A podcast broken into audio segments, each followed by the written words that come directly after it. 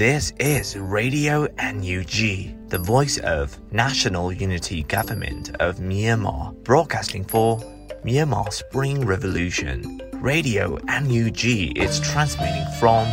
shortwave 16 meter 17.79 megahertz at 8:30 a.m. and 25 meter 11.94 megahertz at 8:30 p.m. Myanmar Standard Time. မင်္ဂလာပါခင်ဗျာ အမျိုးသားညီညွတ်ရေးအစိုးရရဲ့အတန်လွင့်ဌာန Radio NUG ကိုမနက်ပိုင်း၈နာရီခွဲမှာလိုင်းတို16မီတာစက္ကန့်တက်မ9 MHz ညပိုင်း၈နာရီခွဲမှာလိုင်းတို25မီတာ17တက်မ6 MHz တို့မှာဓာတ်ရိုက်ဖမ်းယူနိုင်နိုင်ပါပြီမင်္ဂလာအပေါင်းနဲ့ပြည့်စုံကြပါစေအခုချိန်ကစပြီး Radio NUG အစီအစဉ်တွေကိုဓာတ်ရိုက်အတန်လွှင့်ပေးနေပါပြီ။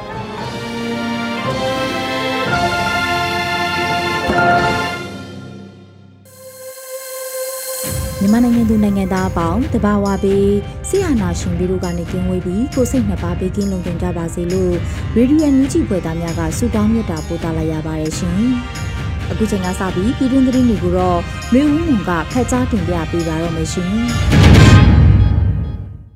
မင်္ဂလာညချမ်းပါရှင်2023ခုနှစ်အောက်တိုဘာလ6ရက်နေ့ Radio NUG ပြည်တွင်သတင်းတွေကိုတင်ပြပေးသွားပါမယ်ကျွန်မကတော့ຫນွေဦးမွန်ပါ ပြည်သူတွေနောက်ကျောလုံလုံနေထိုင်နိုင်ဖို့ NUG အစိုးရမှတာဝန်အပြည့်ရှိတယ်လို့ဝန်ကြီးချုပ်ပြောကြားတဲ့အကြောင်းအရာကိုဥစွာတင်ပြပေးကြပါမယ်။ပြည်သူတွေနောက်ကျောလုံလုံနေထိုင်နိုင်ဖို့ NUG အစိုးရမှတာဝန်အပြည့်ရှိတယ်လို့ပြည်ထောင်စုဝန်ကြီးချုပ်မန်ဝင်းခိုင်တန်းကအောက်တိုဘာလ9ရက်ဂျာကာလာဒေသန္တရပြည်သူ့အုပ်ချုပ်ရေးဖော်ဆောင်မှုဗဟိုကော်မတီအစည်းအဝေးမှာဆိုလိုက်ပါတယ်။မြေပြင်မှာစစ်ကောင်စီဘက်ကကျူးလွန်တဲ့အကြမ်းဖက်မှုတွေအပြင်ကျွန်တော်တို့ဒေါ်လာအင်အားစုတွေရဲ့ ပြည်သူတွေအပေါ်ကျူးလွန်တဲ့ဆေးရဆွမှုတွေကိုကင်တွယ်ထိန်သိမ်းရေးယူနိုင်ဖို့လိုအပ်တဲ့ဖွဲ့စည်းတွေဖွဲ့စည်းနိုင်မှုတင်နန်းတွေပို့ချနိုင်မှုစတဲ့လုပ်ငန်းစဉ်တွေကိုလည်းအားကားအောင်ဆောင်ရွက်ပေးကြဖို့လိုမှာဖြစ်ပါတယ်။ပြည်သူတွေနောက်ကျောလုံလုံနေထိုင်နိုင်မှုဆိုတာတာဝန်ယူထားတဲ့ကျွန်တော်တို့မှာတာဝန်အပြည့်ရှိပါတယ်လို့ဆိုပါတယ်။လက်တလုံးမှာဂျမစစ်တပ်ဟာနေမြများမှာရဲသားများကိုပြစ်မှတ်ထားတိုက်ခိုက်၍တပ်ဖြတ်မှုများကျူးလွန်လျက်ရှိကပြည်ထံမှကင်းလွတ်နေကြဆဲဖြစ်ပါတယ်ရှင်။ ဖရန်ဆိုင်ရေးစီမံကိန်းမြေကွက်များကိုယင်းနှမြုံနှံမှုပြည်ထောင်စုဝန်ကြီးဒေါက်တာတူကောင်တိုက်တွန်းတဲ့အကြောင်းအရာကိုဆက်လက်တင်ပြပေးပါမယ်။ဖရန်ဆိုင်ရေးစီမံကိန်းမြေကွက်တွေကိုယင်းနှမြုံနှံဖို့ပြည်ထောင်စုဝန်ကြီးဒေါက်တာတူကောင်ကအော်တိုဘာလအတွင်းမှာတိုက်တွန်းလိုက်ပါတယ်။တော်လေးတစ်ခုအောင်မြင်မှုရမငွေလိုအပ်ချက်ဟာအဓိကကြပါတယ်။စီမံဘဏ္ဍာဝန်ကြီးဌာနမှအဖွဲ့ဝင်များကတော့ညီမျိုးစုံနဲ့ပြည်သူနဲ့ဒူတိုက်ပွဲဝင်နိုင်ရေးနီလန်းများကိုရှာကြံကြပါတယ်။လက်တွေ့လုပ်နေသူများကိုစိတ်ဓာတ်မကျအောင်လက်တွေ့အားဖြင့်အားပေးကူညီဖို့အင်မတန်အရေးကြီးတာပါ။ပြည်ဦးလင်းမြို့မှာစေအုပ်ချုပ်ရေးခင်မှာပြည်သူမြေယာများကိုအမိတ်အာဏာသုံးပြီးသိမ်းယူထားခဲ့တဲ့တပ်ပိုင်မြေတွေကိုတော်လိုင်းရန်မုံငွေအဖြစ်၎င်းပြည်သူ့ဗန္နာပြည်သူများထံပြန်အနိုင်ရေးအတွက်ယင်းနှမြုံနှံလူသူများကိုရောင်းချပေးနေပါပြီ။နောက်တစ်ချိန်မှာအဖိုးရံမြေဖြစ်လာမိစီမံကိန်းမှာယင်းနှမြုံနှံခြင်းဟာတစ်ချက်ခုတ်သုံးချက်ပြတ်တဲ့အလုပ်ဖြစ်ပါတယ်လို့ဝန်ကြီးကဆိုပါတယ်။ Ferrer Springs Ferrer ဆန်းရည်စီမံကိန်းဟာပြည်ဦးလေးမြို့မန္တလေးလာရှိုးလမ်းမကြီးမြောက်ဖက်တက်မတော်နီးပညာတက္ကသိုလ်အနီးရှိဂျမစစ်တပ်ပိုင်မြေကိုဥပဒေနဲ့ညီသိမ်းယူပြီးဧက300ခန့်ကိုစီးပွားရေးလုပ်ငန်းသုံးတဲ့လူနေအိမ်ယာမြေများပေါ်ထုတ်မိစီမံကိန်းဖြစ်ပါတယ်။ဖရန်ဆိုင်စီမံကိန်းမြေကွက်များရဲ့မြေပိုင်ဆိုင်မှုမျိုးစားမှာကရံမြေဖြစ်ပြီးအော်တိုဘာလ9ရက်နေ့မှာစတင်ရောင်းချပေးမှာဖြစ်ပါတယ်ရှင်။ ဆီယနာရှင်တို့၏ဆိုရရက်ဆက်ကြမ်းကြုတ်မှုများနဲ့လူခွေရေးချိုးဖောက်မှုများကြောင့်လူပေါင်း2သန်းနီးပါးအိုးအိမ်မဲ့ဖြစ်နေကြရပြီးလူပေါင်း18တန်းကျော်သည့်လူသားချင်းစာနာထောက်ထားမှုဆိုင်ရာအကူအညီများလိုအပ်နေဆိုတဲ့သတင်းကိုလည်းတင်ပြပေးပါမယ်။အောက်တိုဘာ9ရက်98ကြိမ်မြောက်ကုလသမဂ္ဂထွေထွေညီလာခံဒုတိယကော်မတီ၏ဘာသာရေးအစီအစဉ်ဆက်ခွန်အောက်ရှိ စဉ်ဆက်မပြတ်ဖွံ့ဖြိုးတိုးတက်ရေးဗဏ္ဍာငွေဆိုင်ရာညီလာခံများ၏ရလဒ်များကောင်းထဲဖော်ခြင်းနှင့်ပတ်သက်သည့်အစည်းအဝေး၌ကုလသမဂ္ဂဆိုင်ရာမြန်မာအမြဲတမ်းကိုယ်စားလှယ်တပ်မကြီးဦးကျော်မိုးထွန်းမှအခုလိုပြောကြားလိုက်ပါသည်မြန်မာနိုင်ငံတွင်2016ခုနှစ်မှ2021ခုနှစ်ဇန်နဝါရီလအထိရွေးကောက်ခံရသားအစိုးရ၏အုပ်ချုပ်မှုကာလအတွင်းတိုင်းပြည်အတွက်ခိုင်မာသောစီးပွားရေးအခြေခံအုတ်မြစ်ကိုထူထောင်ရာတွင်တည်တည်တသာတိုးတက်အောင်မြင်မှုများရရှိခဲ့ကြောင်းသို့တော်လည်းတရားမဝင်ဆီယနာသိမ်းမှု ဆီယနာရှင်တို့၏ဆိုးရွားရက်ဆက်ကြမ်းကြုတ်မှုများနှင့်လူခွေရေးချိုးဖောက်မှုများကြောင့်ပြီးခဲ့သည့်30လကျော်ကာလအတွင်းတိုးတက်မှုများလုံးဝပြတ်သုံးသွားခဲ့ကြောင်းရင်းကြောင့်လူပေါင်း2တန်းနီးပါးသည့်အိုးအိမ်မဲ့ဖြစ်နေကြပြီးလူပေါင်း18တန်းကျော်သည့်လူသားချင်းစာနာထောက်ထားမှုဆိုင်ရာအကူအညီများလိုအပ်နေပါကြောင်းထို့ပြင်မြန်မာနိုင်ငံလူဦးရေထက်ဝက်နေပါသည့်စီးရဲမွဲတေမှုမြေအောက်တွင်နေထိုင်လျက်ရှိကြောင်းသတ်မှတ်ကြီးကပြောပါတယ်။လက်ရှိခြေနေရမြန်မာနိုင်ငံပေါ်ပေးအပ်မည့်အကူအညီအားလုံးသည်လိုအပ်နေသောပြည်သူများအားလုံးထံသို့ရောက်ရှိရေးသေချာမှုရှိစေရန်အရေးကြီးကြောင်း ကုလသမဂ္ဂအပါအဝင်လူသားချင်းစာနာထောက်ထားမှုဆိုင်ရာနဲ့ဖွံ့ဖြိုးတိုးတက်ရေးဆိုင်ရာမိဘများအားလုံးသည်မြန်မာနိုင်ငံရှိမြို့သားညီညွတ်ရေးအစိုးရအပါအဝင်အဓိကသက်ဆိုင်သူများအားလုံးနဲ့လက်တွဲလှုပ်ဆောင်ရွက်ရေးကြီးကြောင်းကိုလည်းတမန်ကြီးကထပ်လောင်းပြောကြားခဲ့ပါတယ်ရှင်။ကန်နူတမဟာတက်နယ်မြေတွင်းရှိညောင်ကုန်း BGF စခန်းအား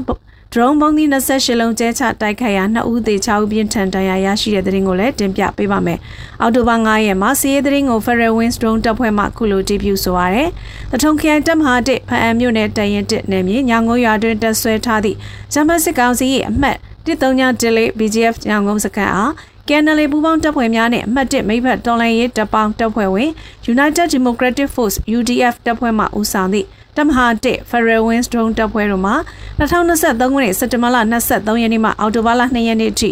drone စစ်ဆေးခုနှစ်ကြိမ်ဖြင့် drone ပုံးသီး28လုံးကျဲချတိုက်ခိုက်ခဲ့တယ်လို့ဆိုပါတယ်။၎င်းစစ်ဆေးအတွင်းစစ်ကောင်စီလက်အောက်ခံ BGF တပ်ဖွဲ့ဝင်တအုပ်နဲ့ဂျမတ်စစ်ကောင်စီတပ်ဖွဲ့ဝင်တက်ကြကြီးကျော်မြင့်ဦးတို့သေဆုံးခဲ့ပြီး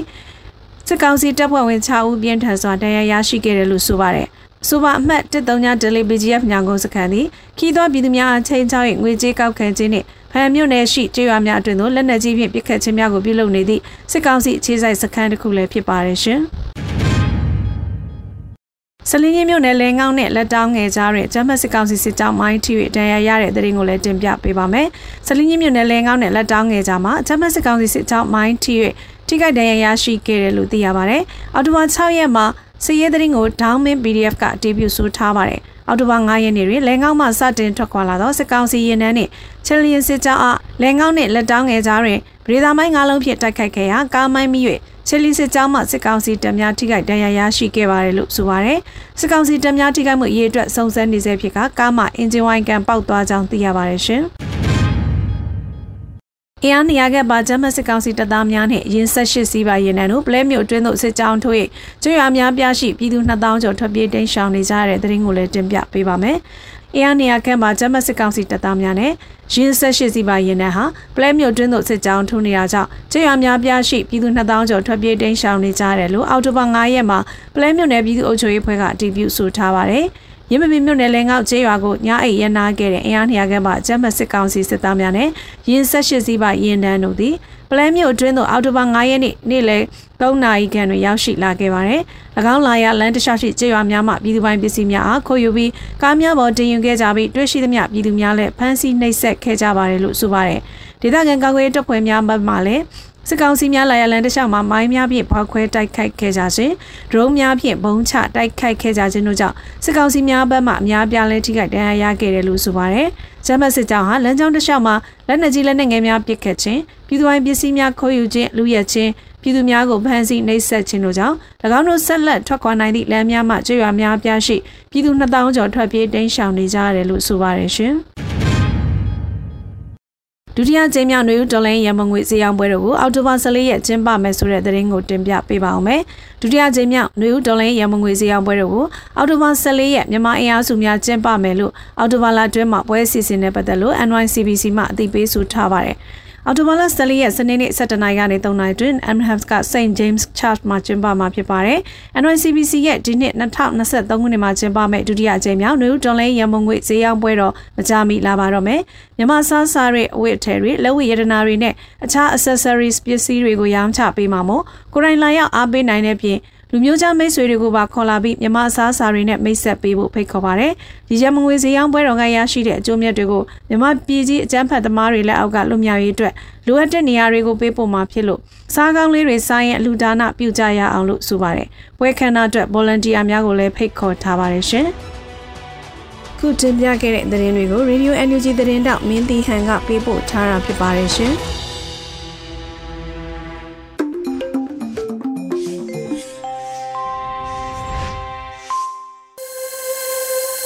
ရေဒီယိုမြူဂျီကိုနာတော်တာဆင်နေတဲ့ပရိသတ်များရှင်အခုဆက်လက်ပြီးနားဆင်ကြရမှာကတော့မကြေးမုံပေးပို့လာတဲ့တည်င်းနဲ့အတူလူလူစကားတန်အစီအစဉ်ဖြစ်တဲ့အကျန်းဖက်စစ်တပ်အနေနဲ့ပြည်သူတွေရဲ့သဘောထားကိုသိပြီးအမြင့်မှန်တွေရတင်ပြီလို့ချင်းပြည်ဒေသခံတွေကပြောဆိုဆိုတဲ့အကြောင်းအရာကိုတော့မျိုးဦးမိုင်ကတင်ဆက်ပေးထားပါတယ်ရှင်ရေဒီယို UNG ကိုနားဆင်နေကြတဲ့ပရိသတ်များရှင် အခုတင်ဆက်ပေးမယ့်အစီအစဉ်ကတော့သတင်းနဲ့အတူလူထုစကားသံအစီအစဉ်ကိုနားဆင်ကြရမှာဖြစ်ပါတယ်။အကြမ်းဖက်စစ်တပ်အနေနဲ့ပြည်သူတွေရဲ့သဘောထားကိုသိပြီးအမြင့်မှန်တွေရတင်ပြီလို့ချင်းပြည်ဒေသခံတွေကပြောဆိုလိုက်ပါတယ်။ဒီသတင်းကိုမချင်းမုံကပေးပို့ထားပါတယ်။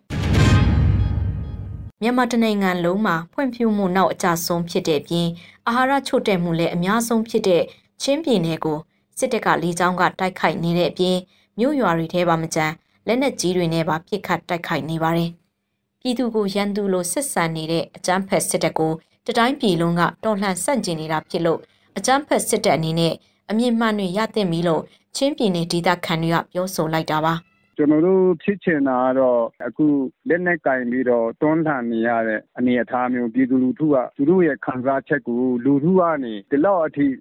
မဲမတမာမှုကို အကြောင်းပြုပြီးတော့ အာဏာသိမ်းလိုက်တဲ့ဟာကို မဟုတ်ပါဘူးဆိုတဲ့ဟာ မြန်မာပြည်တပြည်လုံးမှာရှိတဲ့ ပြည်သူလူထုကနေဒီလိုမျိုးဆန္ဒဖော်ထုတ်ပြီးတော့မှတွန်းလှန်နေတာကိုဒီစစ်အာဏာရှင်တွေကသိသိနေလို့ကို့အမားကိုကိုသိပြီးတော့မှတိုင်းပြည်ကိုပုံမဆိုးပါတဲ့၆ထဲမရောက်ပဲနဲ့အားလုံးနဲ့အဆင်ပြေအောင်သူတို့အမားတွေကိုပြည်သူတွေကိုဝန်ချပြီးတော့လုပ်လို့ရှိရင်ဘယ်လိုပဲနေနေပြည်သူလူထုကအသက်အိုးအိမ်စီးစိမ်တွေဘယ်လောက်ပဲဆုံးရှုံးဆုံးရှုံးကျွန်တော်တို့မြန်မာပြည်လူမျိုးတွေကပြီးခံခြင်းခွင့်လွှတ်ခြင်းမြတ်တာတရားနဲ့ရှင်တာနဲ့အတွက်ခွင့်လွှတ်နိုင်နေတယ်အဲ့လိုမျိုးရှေ့ဆက်ကိုမြန်မာပြည်သူလူထုနောက်ပြီးရင်ကျွန်တော်မြန်မာကလေးတွေရဲ့အနာဂတ်ကိုပုံမပျက်စီးတဲ့အနေအထားမဖြစ်အောင်သိစေချင်တယ်သိသိနေလို့ပြောချင်တယ်ခုနေချိန်ကအချိန်ကြီးရှိပါသေးတယ်နောက်ဒီထိုင်ဒီတိုင်းနဲ့ဆက်သွားမယ်ဆိုရင်တို့မှတို့မြန်မာပြည်ရဲ့အနာဂတ်ကပုံမဆိုးွားပြီးတော့ပညာရေးကျမ်းမာရေးနဲ့ကမ္ဘာအလဲမှာအလွန်ကိုတိမ်ငင်ပြီးတော့မျက်နှာငင်ရတဲ့လူမျိုးတွေဖြစ်သွားကုန်မယ်အကုန်လုံးကဘဝကြီးပျက်စီးကုန်မယ်အနေအထားမျိုးကိုဥတည်ပြီးတော့ရောက်လဲရောက်နေပါခုနေချိန်ကို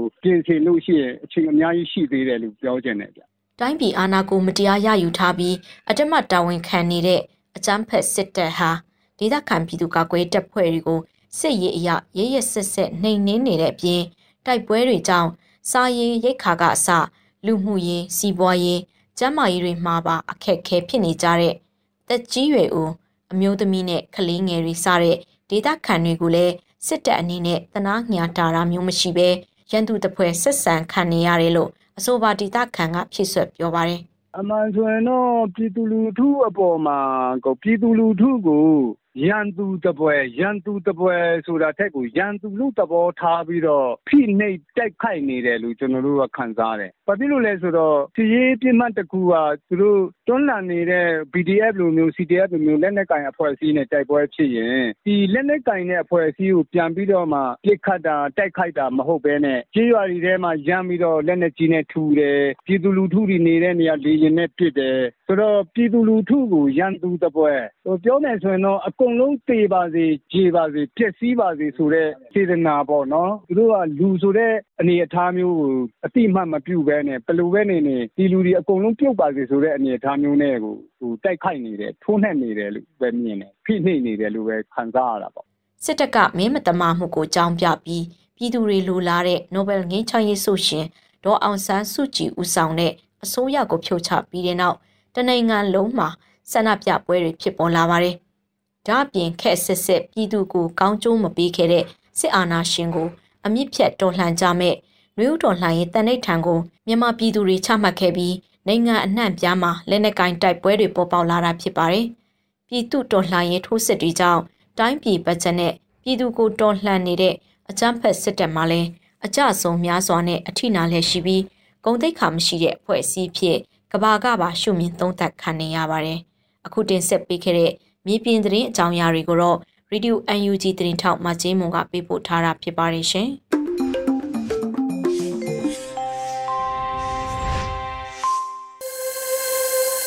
ရေဒီယိုမြူးကြီးကိုနာတော်တာဆင်နေတဲ့ပရိသတ်များရှင်အခုဆက်လက်ပြီးနားဆင်ကြရမှာကတော့တော်လှန်ရေးဆောင်ပါအနေနဲ့မြမနူခရိုနီကယ်အောက်တိုဘာ9မြင်ကွင်းဖြစ်တဲ့ဆီယနာသိန်းပြီးနှစ်နှစ်ကျော်အတွင်း ကလေး900ကျော်တက်ဆုံးရှုံးခဲ့လို့အမည်ရတဲ့မုမခဆောင်းပါးကိုတော့မေဦးမောင်ကဖက်ကြားတင်ပြပေးထားပါတယ်ရှင်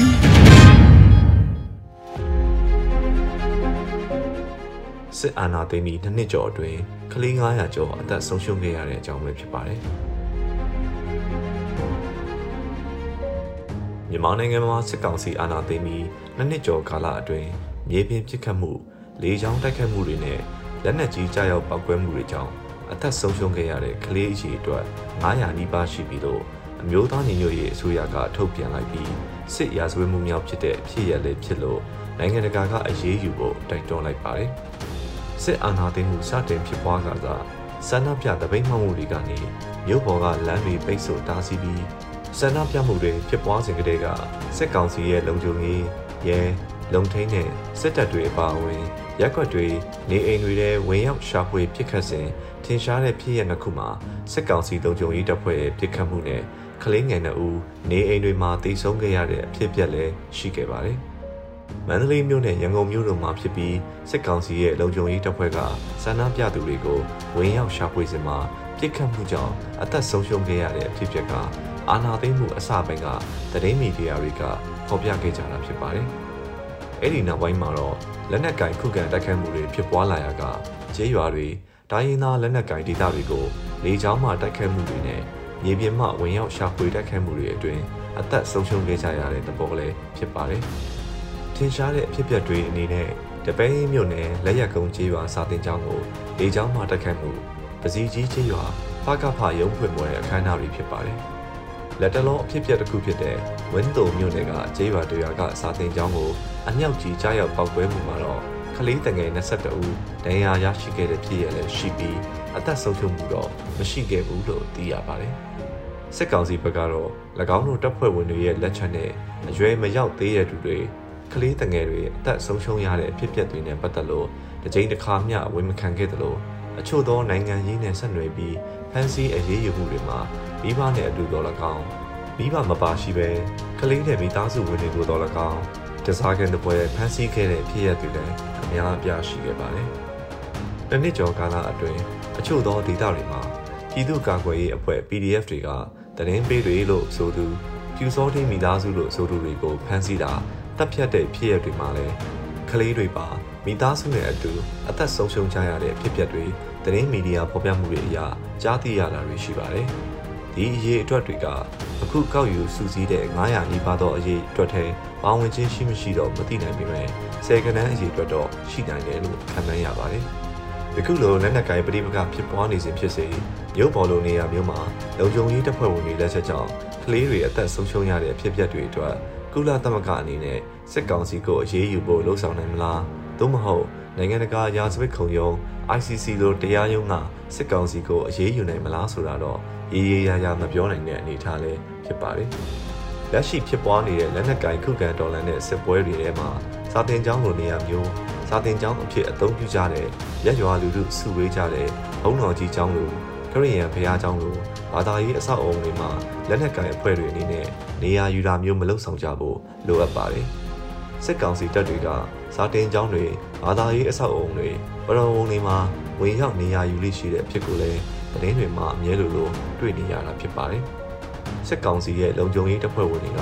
နိုင်ငံတကာစီးမြင်စည်းကမ်းတွေကိုလိုက်နာခြင်းမရှိတာလည်းအများသိရှိကြပြီဖြစ်ပါတယ်။ဒေါ်လာရေးတပ်ဖွဲ့ဝင်တွေအနေနဲ့နိုင်ငံတကာစီးမြင်တွေကိုလိုက်နာခြင်းအပြင်မိမိတို့အဖွဲ့အစည်းရဲ့ဂုဏ်သတင်းအပြင် အရက်သားတွေအပေါ်ထိခိုက်မှုကိုအနည်းငယ်ဖြစ်စေပြောချနိုင်ဖို့ရည်ရွယ်တဲ့လှုပ်ဆောင်မှုလည်းဖြစ်ပါတယ်။ဒီနေ့အဖို့အခြားသောသတင်းအကြောင်းအရာတစ်ခုကတော့ပညာရေးဝန်ထမ်းသိန်းတောင်းကျော်ဟာစီရီယံလှုပ်ရှားမှုတွေပါဝင်နေဆဲဖြစ်တယ်လို့ NUG ရဲ့ပညာရေးနဲ့ကျန်းမာရေးဝန်ကြီးတာဝန်ယူထားသူဒေါက်တာဇော်ဝီဆိုကပြောဆိုလိုက်ပါတယ်။စစ်ကောင်စီအာဏာသိမ်းပြီးနောက်စစ်အာဏာသိမ်းမှုကိုစန့်ကျင်တဲ့ ပြည်သူဝန်ထမ်းတွေရဲ့ CDN လှုပ်ရှားမှုတွေနဲ့ကျန်းမာရေးဌာနနဲ့ပညာရေးဌာနကဝန်ထမ်းတွေကအရေးအတွက်အရာအများဆုံးပူးပေါင်းပါဝင်ခဲ့ကြတာဖြစ်ပြီး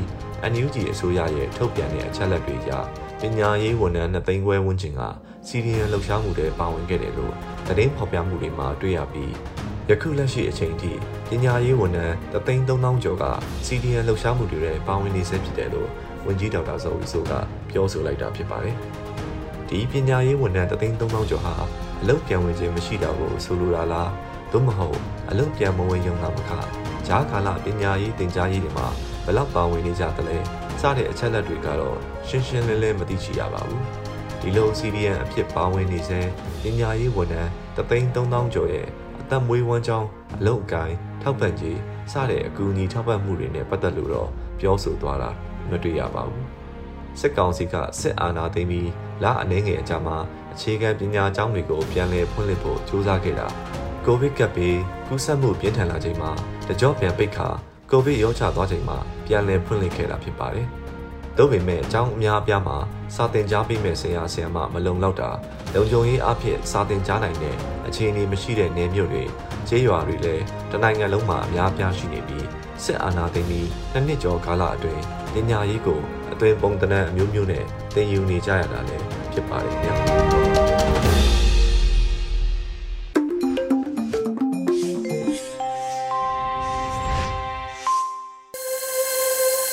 တော်တော်ရှင်များရှင်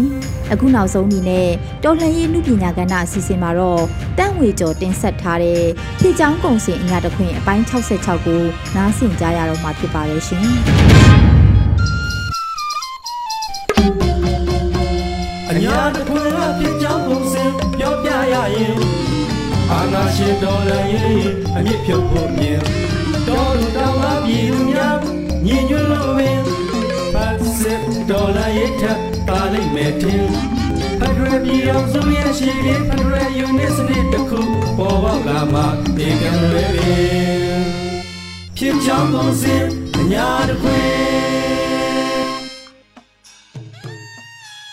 ဂလာပါတော့အညာတခွင်စီစဉ်ကနေအညာပါလဲအညာဘဲလဲဆိုပြီးအညာဖြစ်စဉ်တွေဟော့တဟာဟော့တဟာဆိုပြီးဖောက်တယ်ချလာလိုက်တာတော်တော်တောင်ခီးရောက်လာပါလားတော့အညာရင်းအညာပကကျုပ်တို့ပြိသက်တွေလဲအထာသဘောစောကြောမိကြရောပေါ့တော့တကယ်တော့အညာဆိုတာဘယ်သူဘဝရဲ့လို့ခေါင်းစဉ်တွေခွဲနေကြပါနဲ့စော်ကြမယ်ဟဲ့ဆိုရင်တော့ လက်မနှေးပါဘူးတော့ပြီးခဲ့တဲ့ရက်ပိုင်းကပဲစကစတို့ပြောဆိုင်ရာချင်းတွင်းရွှေရောင်ဦးကုန်းကစစ်ကောင်စီအဆောင်တွေကိုချုံမိုင်မိုင်အထူးကွန်မန်ဒိုတွေကဝင်ချုပ်ပြီးလောင်းတွေလက်တွေယူနိုင်ပါသေးတော့အဲ့ဒါလိုပဲအရေတော်စစ်ကောင်စီကင်းကိုလည်း BNRA အဖွဲ့သားတွေကနှကန်းကြီးအဝစိုးပေးခဲ့ပြီးလောင်းလက်တွေရခဲ့ကြမှာတော့ ဒါတွေမကတားစီထောင်ဆောင်အဖွဲ့တွေကိုလည်းပြည်သူတပ်ပေါင်းစုကအတီးတီကျွေးခဲ့တယ်လားမုံလာမြို့ပေါ်ညောင်မသာစခန်းကစက်ကဆလို့ဆိုလဲပူပေါင်းတပ်ဖွဲ့ရဲ့ special မြင်းမှုအောင်မှာကဲပါယူပါတကြကြဖြစ်သွားကြတယ်မဟုတ်လားတော့ဒါကြောင့်အညာကဘသူတွေသဝါတွေကဘဲတို့ပါဘညာပါလို့အောနေတာကတက်တက်မြေပြင်မှာစောနေတာကတက်တက်လို့မှတ်ပေးကြပါတော့ ပေါင်းလို့ရှောင်းလို့မ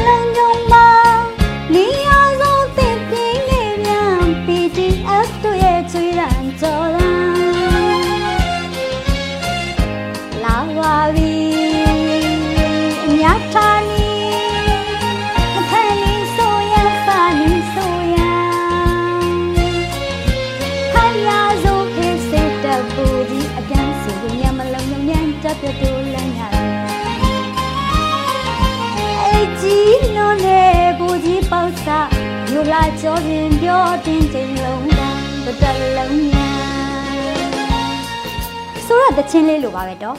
မုံရွာပြန်လာတဲ့စစ်တပ်ဘူကြီးလဲ PGF တို့လက်ထဲမှာကွိကနေကွိကနေအဖမ်းခံရရှာရတာပါပဲလေကြောင်းကုန်စင်အညာတခွင်ကဲဒီတစ်ပတ်မှာတော့အညာရဲဘော်တွေလိုက်နာတဲ့နဲ့ကျင့်ဝတ်တွေအကြောင်းပြောကြစို့လားတော့ငါးပါးတီလာဟာခါဝစ်ပစိုးလိုမြဲရမယ်ကိုကျင့်တရားဖြစ်တယ်လို့ပဲ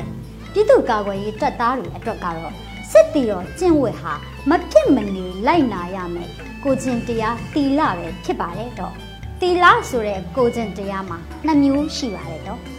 ချိုးဖောက်မိရင်စိုးကြိုးတွေဖြစ်လို့မဖြစ်မနေလိုက်နာရမယ်ဇာရိတ္တတီလာနဲ့လိုက်နာကြင့်ကြံရင်ကောင်းကျိုးရလက်တွေရမယ်ဝါရိတ္တတီလာတို့ပါတော့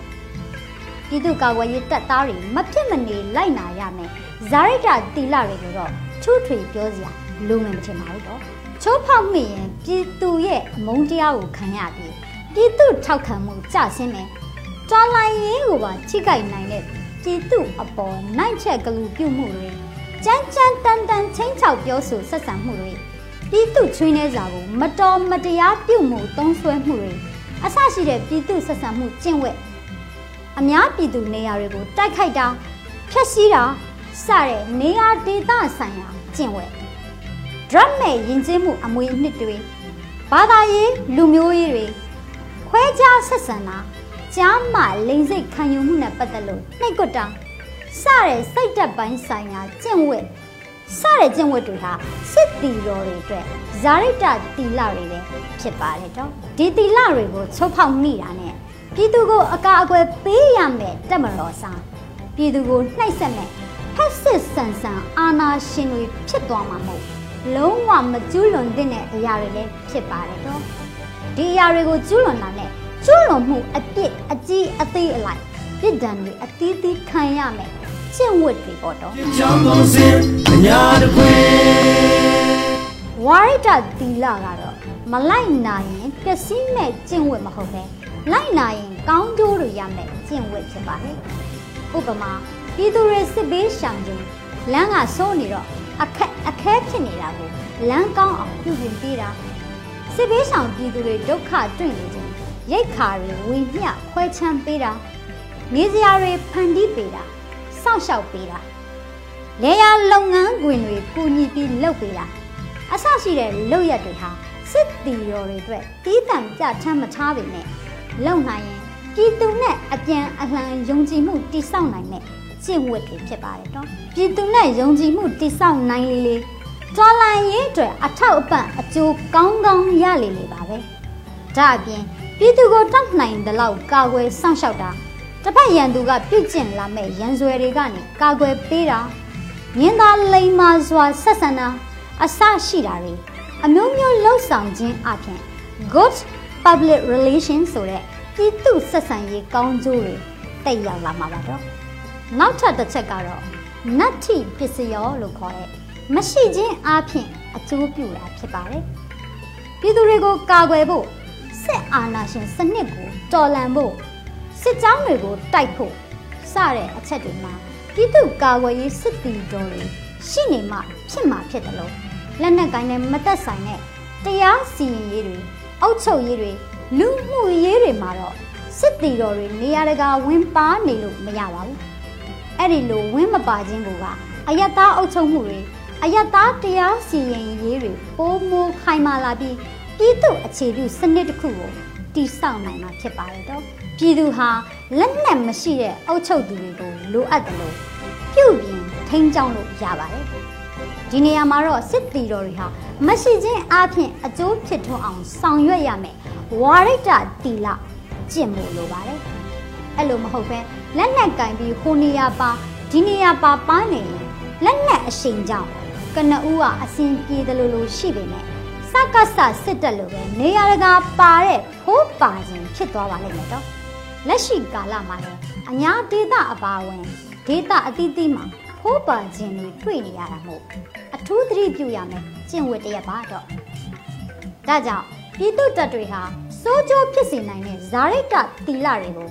ခါဝတ်ပစိုးလို့မြဲနေရုံနဲ့မရပဲ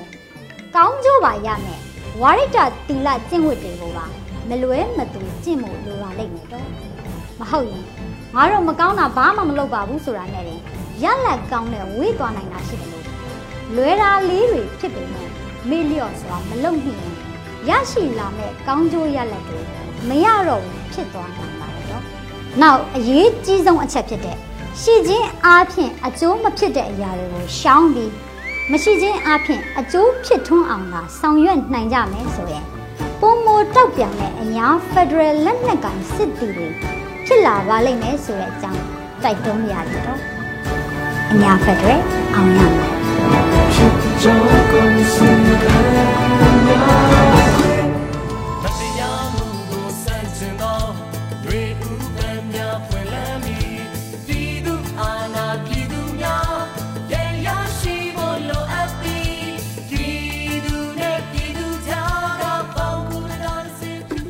ကနေ့ကတော့ဒီညနေပဲ Radio NUG ရဲ့အစည်းအဝေးကိုခਿੱတရနာလိုက်ပါမယ်မြန်မာစံတော်ချိန်မနက်၈နာရီခွဲနဲ့ည၈နာရီခွဲအချိန်တွေမှာပြန်လည်ဆုံးဖြတ်ကြပါစို့ Radio NUG ကိုမနက်ပိုင်း၈နာရီခွဲမှာလိုင်းဒို16မီတာ7.9 MHz ညပိုင်း၈နာရီခွဲမှာလိုင်းဒို25မီတာ17.6 MHz တို့မှာဓာတ်ရိုက်ဖမ်းယူနားဆင်နိုင်ပါပြီမြန်မာနိုင်ငံသူနိုင်ငံသားများကိုယ်စိတ်နှပြကျန်းမာချမ်းသာလို့ဘေးကင်းလုံခြုံကြပါစေလို့ Radio NUG အဖွဲ့သူအဖွဲ့သားများကဆုတောင်းလိုက်ရပါတယ်။အမျိုးသားညီညွတ်ရေးအစိုးရရဲ့စက်သွေးရေးတရင်အချက်အလက်နဲ့ဤပညာဝန်ကြီးဌာနကထုတ်လွှင့်နေတဲ့ Radio NUG ဖြစ်ပါတယ်။ San Francisco Bay Area အခြေစိုက်မြန်မာမိသားစုများနဲ့နိုင်ငံတကာကစေတနာရှင်များလှုပ်အားပေးများရဲ့ Radio NUG ဖြစ်ပါတယ်။အရေးတော်ပုံအောင်ရမည်